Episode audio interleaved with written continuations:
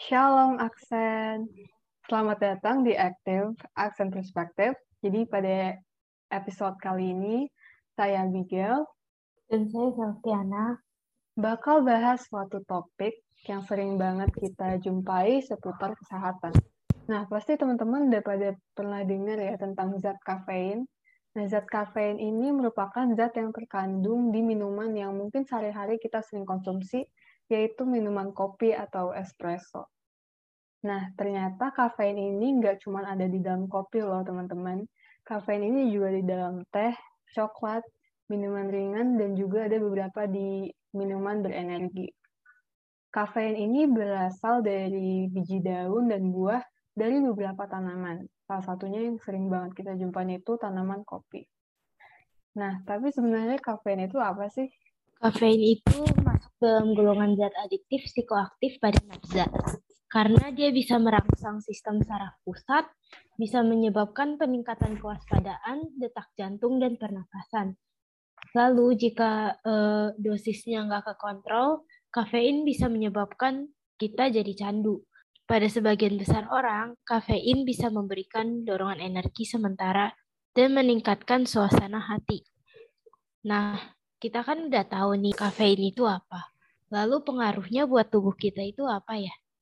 Nah, jadi benar banget yang udah disampaikan sama Sansan tadi. Kalau kafein itu tuh bisa menyebabkan kecanduan.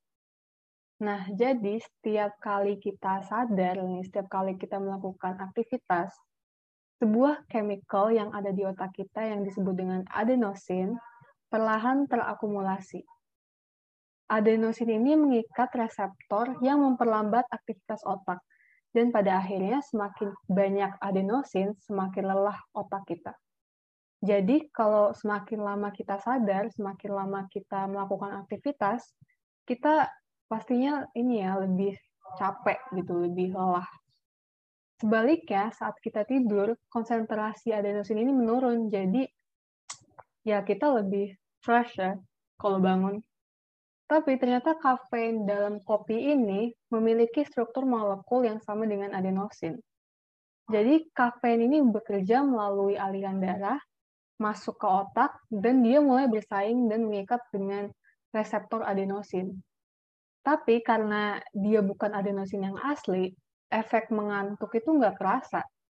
Adenosin nggak lagi mengikat di dalam reseptor. Artinya sifat menenangkannya berkurang. Nah, jadi penggunaan kafein dalam jangka panjang, otak kita tuh merespons dengan menciptakan lebih banyak reseptor adenosin, yang berarti lebih banyak kafein yang diperlukan untuk mendapatkan respons yang sama. Ini juga berarti kalau kita mengonsumsi banyak kopi, atau melewatkan asupan harian, kita mungkin uh, pernah mengalami ya, kayak kita tuh nggak bisa melewati satu hari tanpa kopi. Nah, tapi nggak berhenti di situ, kafein juga merangsang produksi adrenalin.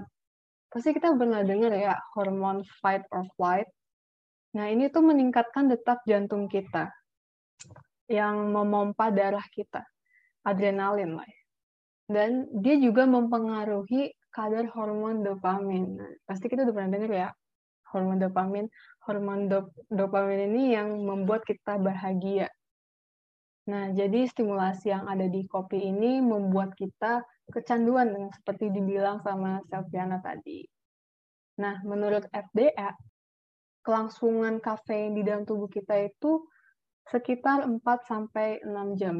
Artinya, selama 4-6 jam mengonsumsi minuman berkafein, itu kafein itu tetap ada di tubuh kita, jadi menyebabkan kita tetap sadar gitu, nggak nggak ngantuk. Nah, kita kan udah dengar ya tadi proses masuknya, proses bekerjanya kafein di dalam tubuh kita. Jadi kafein itu berbahaya gak sih sebenarnya buat tubuh kita? Sebenarnya kafein itu aman-aman aja kalau uh, diminum.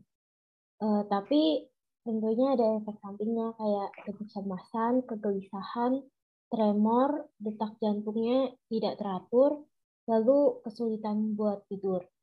Kalau misalnya mengonsumsi kafein terlalu banyak, ini juga bisa buat kita jadi sakit kepala, migrain, lalu tekanan darahnya bisa jadi tinggi. Kan kafein berbahaya buat tubuh kita. Lalu eh, manfaat kafein buat tubuh itu ada atau enggak sih? Nah, salah satu manfaat kafein buat tubuh kita itu mencegah penurunan fungsi kognitif otak. Jadi ini mengurangi resiko kita mendapatkan penyakit Alzheimer di usia tua. Lalu yang kedua, membantu mengurangi resiko diabetes sekitar 29%.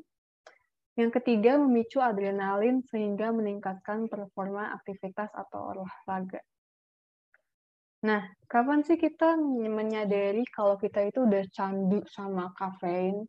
Contohnya itu kayak kita nggak bisa lewatin satu hari tanpa minum kopi atau minuman berkafein lain. Hmm.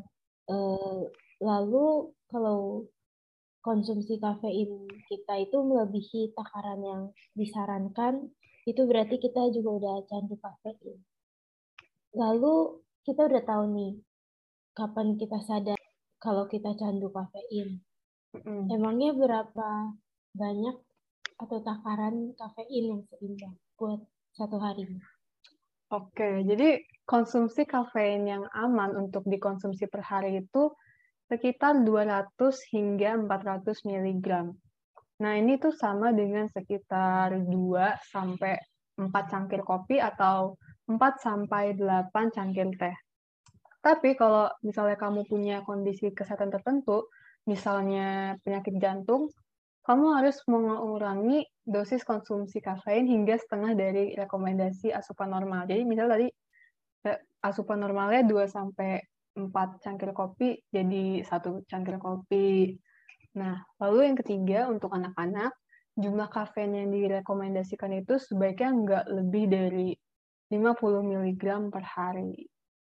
Nah, gimana sih cara kita buat mengatur intake kafein biar kita nggak jadi candu, San? Caranya itu um, kita bisa ngurangin konsumsi kafeinnya secara bertahap. Soalnya kalau misalnya langsung sehari gak minum itu kan uh, agak susah ya. Yeah. Um, jadi kita harus kurangin bertahap uh, jumlah kopi, teh, soda, lalu minuman berenergi Lalu kita harus mulai ganti uh, minuman kafein tadi itu sama air putih. Soalnya air itu um, pilihan yang sehat dan uh, dia juga memenuhi kebutuhan untuk minum cairannya. Lalu ini ada uh, yang terkenal banget itu kafein itu bisa menyebabkan insomnia nggak sih? Itu mitos atau fakta ya?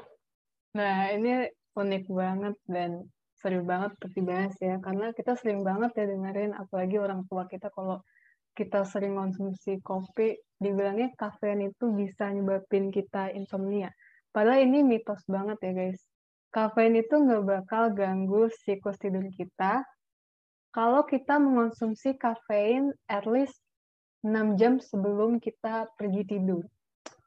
Walaupun ini juga sebenarnya tergantung uh, kepada sensitivitas tubuh kita sih kayak misalnya metabolisme tubuh kita dan jumlah takaran kopi yang kita konsumsi. Ya kalau kita minum 8 gelas kopi ya pasti mengganggu siklus tidur sih. Jadi kesimpulannya kafein itu enggak sepenuhnya membawa dampak yang negatif buat tubuh kita. Melainkan kalau kita dapat dan mampu mengatur konsumsi makanan atau minuman yang berkafein, kita bisa mendapatkan banyak dampak positif buat tubuh kita. Misalnya tadi ada menurunkan resiko diabetes atau mengurangi resiko penurunan kognitif otak. Nah, sekian dari podcast kami. Mohon maaf kalau ada kesalahan kata. Thank you for listening. Semoga bermanfaat and see you guys next soon.